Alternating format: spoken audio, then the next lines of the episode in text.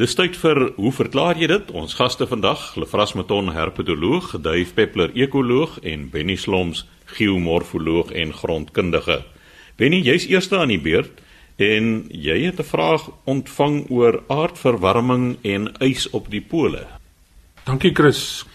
Ons het 'n brief ontvang van Robert Zeli en hy skryf as volg: Iets waaroor ek al lank wonder is of die smelt van ys op die landmassas by die pole 'n effek kan hê op aardbewings en of dit aardbewings kan veroorsaak. Dan 'n tweede vragie. Hy sê destyds toe die Katse-dam begin water opgaar het, was daar aardtrillings in Lesotho. En dan die derde vragie wat hy het. Hy sê mense hoor so baie van aardbewings deesdae. Is daar 'n toename in aardbewings of is dit maar net dat beriggewing soveel beter is as 50 jaar gelede? Nou Robert, kom ons begin by jou eerste vraag oor die smelt van ys by die pole. Ons moet nou net onderskei hier tussen die noordpool en die suidpool. Ys van die noordpool dryf op water. Daar is nie 'n landmassa nie. Dit is 'n see wat in die winter daar verys en dan smelt die ys of gedeeltes van die ys smelt weer in die somer en ons het water. By Antarktika lê die ys wel op landmassa. So hier's 'n groot verskil tussen die noordpool en die suidpool.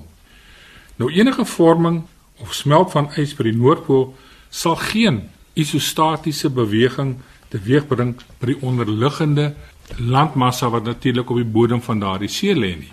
So die gewig by die noordpool bly dieselfde. Die ys dryf net daarbo op die water. By die suidpool word die ys op land aangesamel en verwyder op 'n seisonale basis en dan natuurlik op op 'n langtermyn basis. Ons praat van die glasiale en die interglasiale periodes wanneer ons ystydperke gehad het hier op aarde. So in jou brief sê jy nie of jy praat van seisonale veranderinge, met ander woorde jaarlikse veranderinge of langtermyn veranderinge in die ys wat daar aansamel. Nou ek wil sommer aan die begin sê dat die jaarlikse lading en ontlading van ys by die pole nie vir jou aardbewing sal gee nie. Dit is te kort die tyd en die ysvariasie is te min. As ons egter gaan kyk na die langtermyn wat ys aansamel tydens die ystydperke, dan kan die lading van ys op land en in hierdie geval sal dit by die suidpool wees, die lading van ys kan so groot raak dat dit die landmassa afdruk in die aardkors in. Ons praat van isostatiese beweging die landmassa word afgedruk. Jy verwys hierso na die pole en ons sal daarby stil staan maar onthou tydens glasiale periodes is daar groot areas landmassa wat ook met hierdie ys oordek was. Nou in die interglasiale tydperke smelt die ys en dan kry ons dat hierdie isostatiese druk word verminder en die landmassa styg weer. So ons praat van isostatiese daling en heffing van land. En baie interessant, die noordelike gedeelte van die Verenigde Koninkryk, Skotland, is soos ons hier praat, steeds besig om jaarliks te styg as gevolg van die ys wat ontlaai is en dit styg teen 'n tempo van 4 mm per jaar. So dit is nog 'n neeweffek van 'n vorige ystydperk toe daardie landmassa afgedruk is vanweer die lading.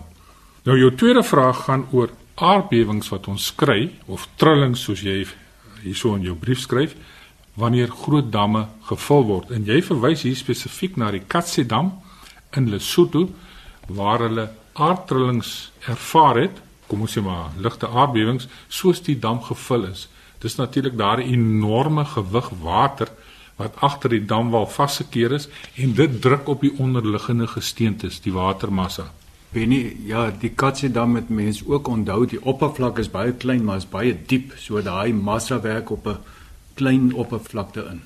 Heeltemal reg. So die eenheidsdrukkrag op 'n oppervlakte is is natuurlik hoog daarso. Of per eenheidsoppervlakte is die druk hoog.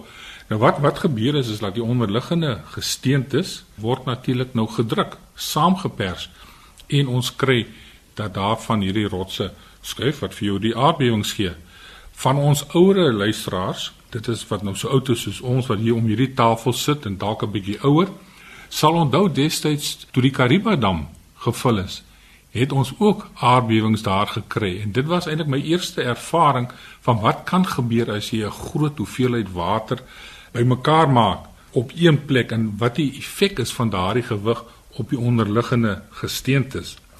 Nou die aardbewings by Kariba het natuurlik afgeneem. Gesteentes het natuurlik nou gestabiliseer en nog gewoond geraak aan daardie druk bo hom, maar by die Katsiedam, dis 'n relatiewe nuwe dam, daardie trillings loop afneem in die toekoms en natuurlik met die eerste vulling sou jy die meeste daarvan gekry het.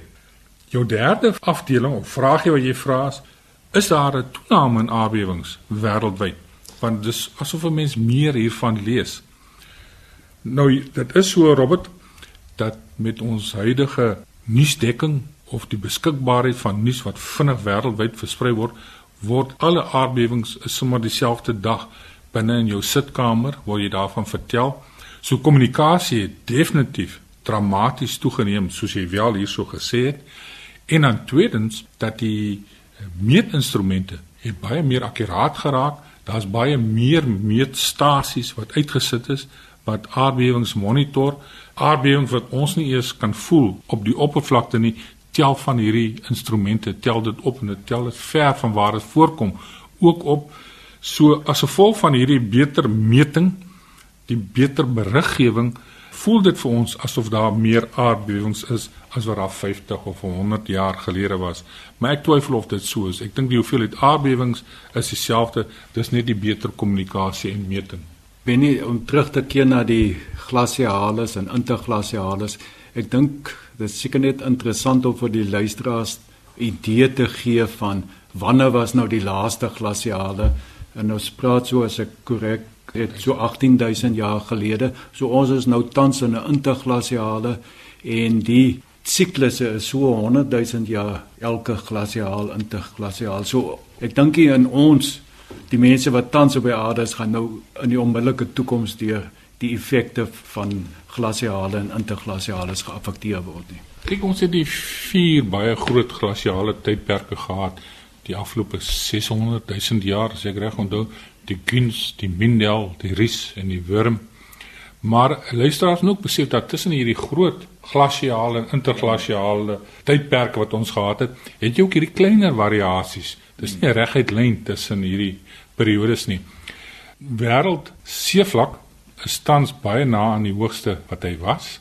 En dan sou mense my vra, ja, maar wat van die Weskus van Amerika, by Kalifornië? Daar sit hierdie branderterrasse daar bo in die lug amper soos hier by Oudtshoorn by George, maar dit het te doen met landsheffing wat plaasgevind het, nie soseer dat die see daardie afstand gedaal het nie.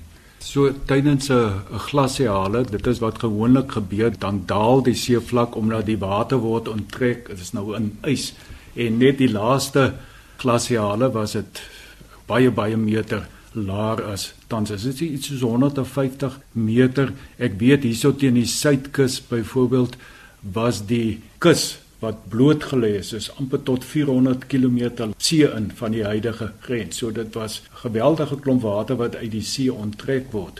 En dit het natuurlik behalwe nou vir aardbewings, het dit allerlei ander effekte net op die land is baie groot so dit sal ons nou pas as daar land tekort is dat daar weer glasiale moet kom. Wel daar afstand sou nie verder as ja Gallisbank gewees het nie want daar val die land natuurlik dramaties en die Gallisbank is maar 120 km suits na ja, op sy ja, breedste. Okay. Dis genoeg. Maar uh, wat ek wel weet en julle ook weet is dat tydens die ystydperk was Kanada, die grootste gedeelte van die FSA, dit was als onder ys gewees. Mens kan nie glo tot waar het die ys afgekom nie. En as 'n mens gaan rondry in Kanada, dan is daai wêreld so plat soos 'n plank. En net sulke moreenhope wat lê waarop die boere se plasies is en waar is en daardie plat landskap is gevorm deur ys wat daaroor beweeg het en werklik daai hele landskap man totaal plat geplaneer het. Dit is ook wel interessant dat met die groot ysplate in die noorde dat in die gebiede wat dan ysvry was, 'n uh, merkwaardige verandering in plantegroei gekom het. Daar was woude in die Sahara byvoorbeeld tussen die ystydperke. Mens kan dit nie indink nie, maar as jy nou gaan kyk na die fossielrekord en ook miskien na die stuifmeelrekord, was daar olifante en kameelperde, dit was suiwer savanna. So daar was ook natuurlik 'n groot uitbreiding van beskikbare land vir sekere spesies. Volgende aan die beurt, Lefras Meton, herpetoloog. Lefras, die vraag wat jy moet beantwoord, waar het die skilpad dop ontstaan? Ja, Chris Don van Wyk van Graafrenet. Hy sê na aanleiding van 'n vorige program oor die skilpad dop net die volgende vraag. 'n Mens kry waterskilpaaie en landskilpaaie. Waar sou die dop dus sy ontstaan gehad het? In die water of op land? Nou, ek dink daar's eintlik 3 stelle inligting wat mens kan gebruik om dalk moontlik by antwoord uit te kom. Die eerste is dat mens kan na die morfologie van moderne skilpaaie kyk.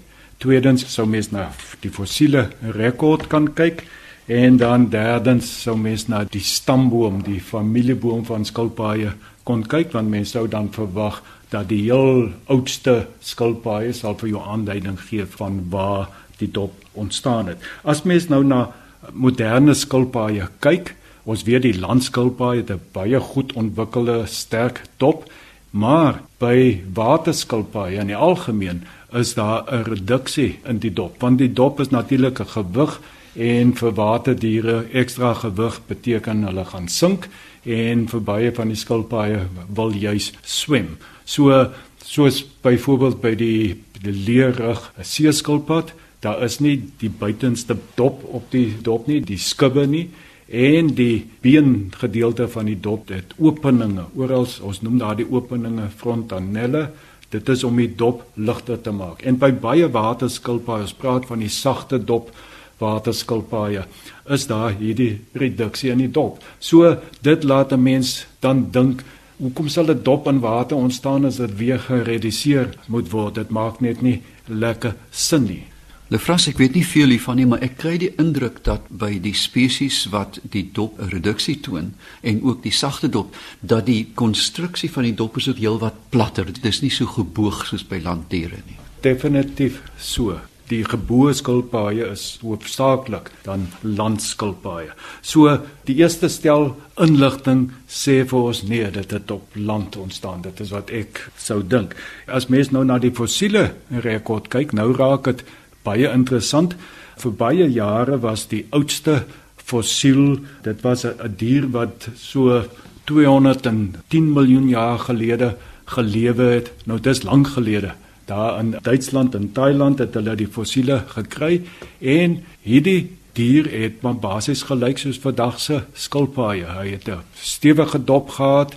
Hy was definitief landlewend gewees alhoewel die stert en die kop nie kon intrek onder die dop nie verder. Hy was alreeds standloos en dit het die mense laat dink dit is die primitiefste fossiel wat ons het of die oudste fossiel en dit was definitief 'n terrestriële dier so die dop moes op land ontstaan het.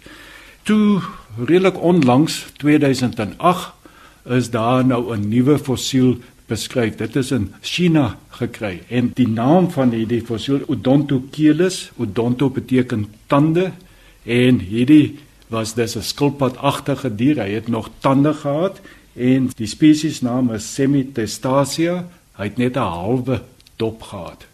En hy het in marine habitat gelewe met 'n halwe dop En wat baie snaaks was van die halwe dop, dit is net die onderste deel van die dop, die maagdeel van die dop was daar aan die bokant, die dorsale kant is daar net die verbreede ribbes, maar daar's nie werklik dop nie.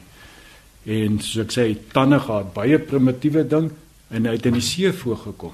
So toe die mense natuurlik besluit dis die oudste fossiel se marine vorm en dit krap alles deur mekaar. Hoekom sal 'n ding 'n dop aan sy ventrale kant ontwikkel? Hulle het gesê ja, hy swem bo in die water en dit is dan nou beskerming teen die haie wat dan nou van onder af opkom om om te vang. Maar ander wetenskaplikes het toe gesê nee, maar dit kon ook mos nog maar op land ontstaan het en op 'n baie vroeë stadium het hierdie dier dan nou ook in die water beland en toe het die dop weer gereduseer geraak. So baie moeilik om te sê op die fossiele rekord en eintlik al hier in die 1800s het hulle in Suid-Afrika 'n akedusagtige dier ontdek En nou die laaste, ek dink 2013 het hulle nou weer nog beter fossiele gekry en dit is nou beter beskryf en met al die tegnieke wat vandag beskikbaar is, kon hulle toe vasstel dat hierdie dier het is baie baie na verwant aan skilpaaie. Dit was 'n landdiertjie. Hy het hierdie snaakse komieklike lyf dat die middellyf is so na die kante toe verbreed, amper soos 'n skilpad dop. Die ribbebene is baie verbreed Hierso. Hulle het hom nog geteken natuurlik nou laat hy soos 'n skilpad moet lyk. Maar so ek sê hy het op land gelewe en hy het al hierdie skilpad eienskappe van ribbebene wat baie verbreed is en laat hy na die sykante toe verbreed is. Dit gee die indruk van 'n dop. En dit het nou weer die mense laat dink nee, dalk het die eerste dop begin ontwikkel op land en nie in water nie. So, Dit is nou die twee stellige inligting en dan die laaste is nou met al hierdie molekulêre tegnieke kan die mense nou vandag al die skilpadsoorte, dis nou wat in die water lewe, seeskilpaaie en landskilpaaie 'n stamboom saamstel. En mense sal mos dan nou sê daardie wat heel onder aan die stamboom lê, dit behoort dan mos nou vir jou aanleiding te gee van waar dit op ontstaan. En Baie interessant, die oudste of die vroegste diere in die stamboom, dit is almal waterlewend. Vaaswater, selfs die seeskilpaaie heel wat later. Dit ons praat nou van die moderne vorme, né? Dit is nou nie fossiele is nie by ingesluit nie. So as mens nou na hierdie stamboom kyk, dan lyk dit weer asof dit tog in water ontstaan het en of dit in vaswater habitat ontstaan het. En mens kry so baie van hierdie waterskilpaaie. Hulle is hier in die modder of in die vlakwater en ek kan nogals my insien dat 'n akedusagtige voorvader hierdie nis ontdek het dat ja, daar is kos en dat jy moet beskerming kry dat daar nie ander goed jou daar in die vlakwater beet kry van bo af en ook om jou te kamufleer het hulle dalk nou hierdie dop ontwikkel. So daar is nie 'n definitiewe antwoord nie. Ek sou sê die getuienis, dit lyk vir my asof dit sê in 'n vaswater habitat. My stywer in die armbeers, hulle vras ek weet niks van die maar mes kan jou indink in 'n primordiale stelsel waar diere in vlakwater beweeg dat die oewer sou heel moontlik kos aangebied het. Daar het landdiere gekom daar. Met ander woorde, 'n akwatiese dier het dan 'n evolusionêre druk gehad om land toe te gaan, nê, nee, om om om kos aan hierdie soem tussen die twee habitats te benut. Dit is so ook as mens nou na die stamboom kyk, dan is dit baie duidelik dat verskeie kere het daar verskywings plaasgevind uit die waterhabitat na land toe en ook na die see toe en ook weer terug, so dit is 'n heen en weer beweging. Ja, dit jy is korrek daar.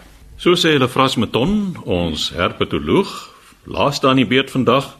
Dave Peppler, ekoloog en Dave, jy gaan nou gesels oor 'n onderwerp wat baie luisteraars staand interesseer. Ek weet ons het 'n hele tyd gelede daaroor gesels, die gedrag van voëls in swerms en dan voeg sommige van hulle ook visse daarbey, hoe die swerm of die skool dan nou so saam beweeg sonder om in mekaar se pad te beland.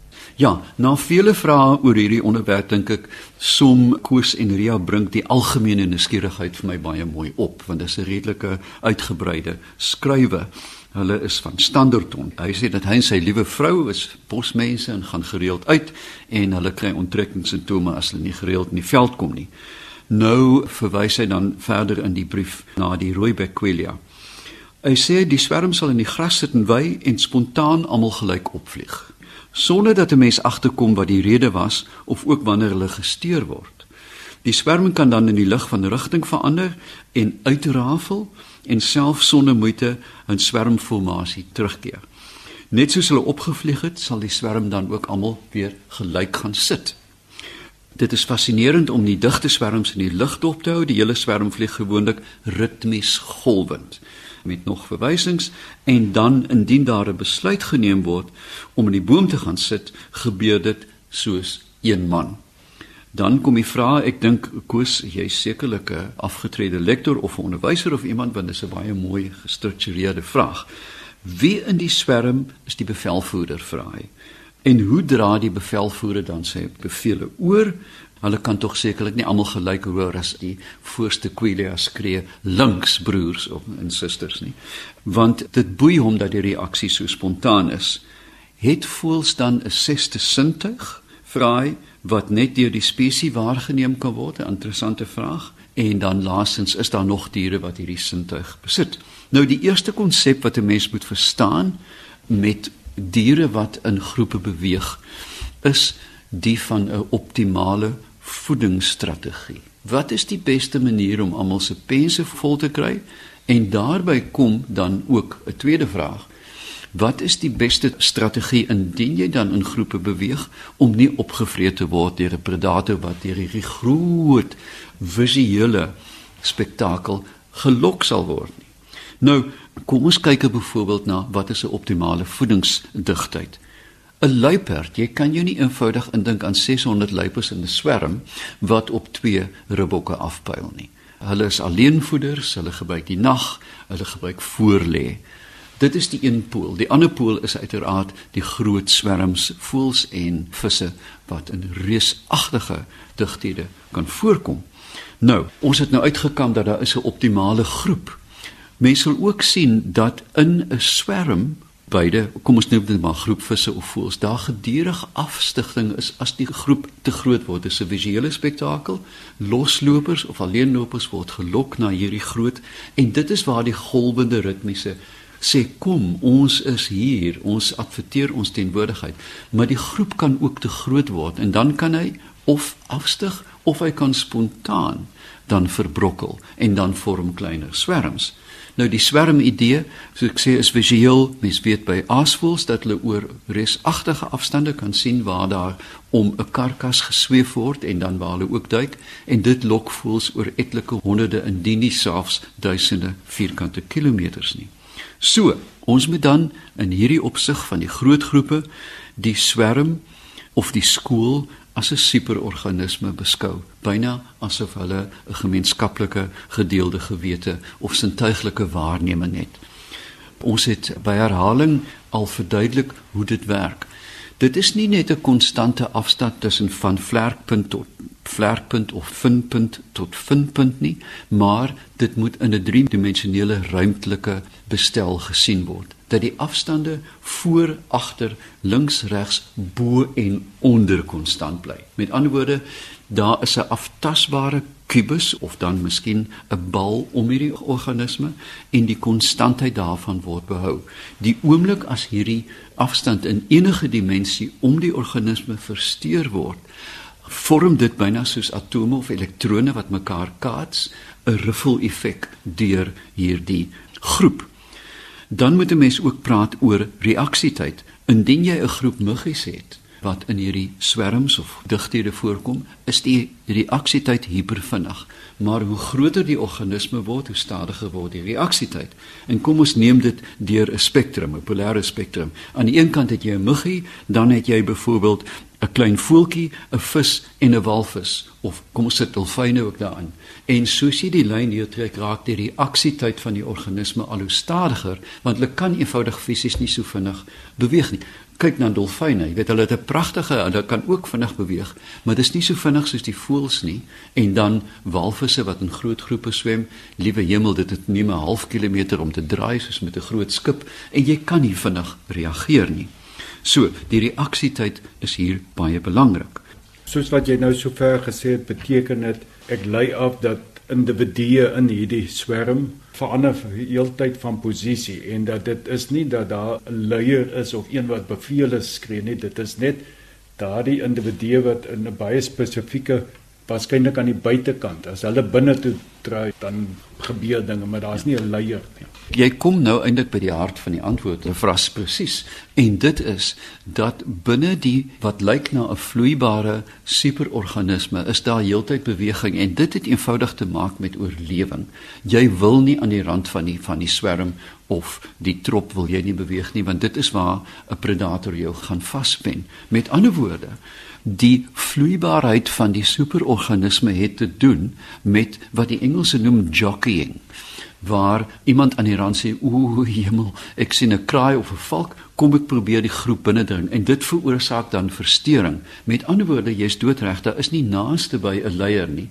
Dit is 'n interne regulering van diere wat in 'n optimale posisie wil probeer kom. As jy binne die groep vlieg, is die lugweerstand ook minder. Iemand moet lei. Jy weet so, die organisme wat lei, raak moeg en hy moet terugval en dit versteur weer eens die groep. So, as 'n mens dan kyk na die individuele vrae eintlik, dan hoekom vlieg almal gelyk op. Jy het die geringste prikkel nodig om blitsvinnig deur die groep te versprei. Dit is onsaglik vinnig. Met ander woorde, dit is nie 'n roep nie, 'n klein onwillekeurige beweging. Een voeltjie wat skrik, al is dit nie vir 'n predator nie, sal die hele groep laat opstyg en die landing net so blitsig maak. Ah, iemand gaan sit om te eet. Almal kyk en sê: "O, Karel is heelwat dapper om te gaan sit. Dan kan ons ook maar gaan sit." Maar die besluitneming is baie blitsig. En agter dit als moet predasie wees. Dit is dan die funksie van hoekom hulle in die eerste plek in in groepe is, want dan is jy veilig. Die kans dat jy gevang gaan word uit daai groep is, is skraal. En dit is hoekom hulle die heeltyd probeer in 'n groep bly anders moet voeding. Ek meen daar moet mos nou kompetisie wees. Dit gaan mos nou beter wees as hulle maar een een op 'n plek gaan sit dan kan hulle eet soveel as hulle wil. Maar dan is is die gevaar van predasie daar. Ja. Jy is doodreg Lefras, die konsep van altruïsme kom glad nie hier voor nie. Waar jy wel altruïsme vind is byvoorbeeld by buffels dat as indien daar kalwers is en daar kom 'n leeu, sal al die koeie aan die buite hulle hulle bied hulle eintlik self aan. Hulle weet hulle kan hulle self verdedig, maar daar's 'n mate van altruïsme. By visse en voëls bestaan dit glad nie of dit nou jou niggie of 'n dogter is wat langs jou vlieg, dit maak glad nie saak nie. So, om dan vinnig saam te vat, Daar is nie 'n bevelvoerder nie. Daar is nie bevele nie. Hierdie is 'n vloeibare, alhoewel dit mooi lyk, is dit chaoties. Dit is gebaseer op suiwer chaos van een dier wat skrik, posisie verander wat dan blitsig oorgedra word aan die superorganisme en vir ons van die grootste spektakels in die natuur sorg. So sê Dave Peppler, ons ekoloog, die tyd het ons ook weer ingehaal. Skryf gerus aan, hoe verklaar jy dit? Posbus 2551 Kaapstad 8000 of stuur 'n e-pos aan chris@rsg.co.za